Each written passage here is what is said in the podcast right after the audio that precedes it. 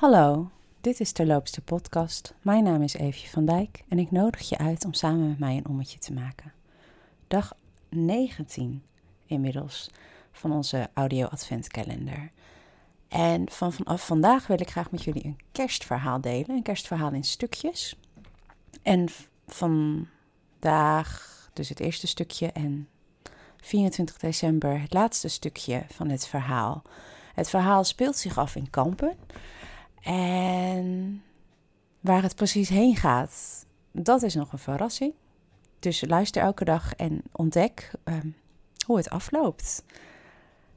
Ik begin met de introductie. Vijf klokslagen. Geen mens te bekennen. De zon laat nog een paar uur op zich wachten. Ze slaat haar jas nog wat steviger om zich heen. Als ze voorbij de bovenkerk loopt richting de poort, draait ze zich nog één keer om, alsof ze goedkeuring zoekt. Is dit het juiste moment?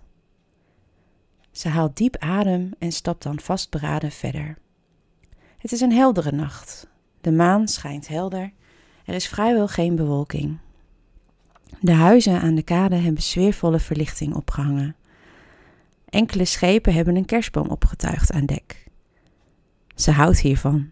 Ze houdt van alle seizoenen, maar de winter heeft iets speciaals. Iets waardoor ondanks de koude temperaturen buiten warmte een hoofdrol gaat spelen. Een knusse tijd. Alhoewel. Tot morgen.